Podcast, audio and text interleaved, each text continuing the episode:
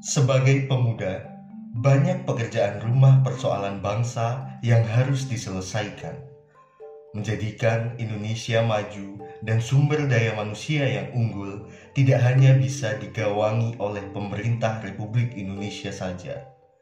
Sejarah telah mencatat peran pemuda untuk mendorong Indonesia semakin baik lagi adalah sebuah keniscayaan tidak dapat terlepaskan peran pemuda selalu ada dalam setiap perjalanan Republik Indonesia.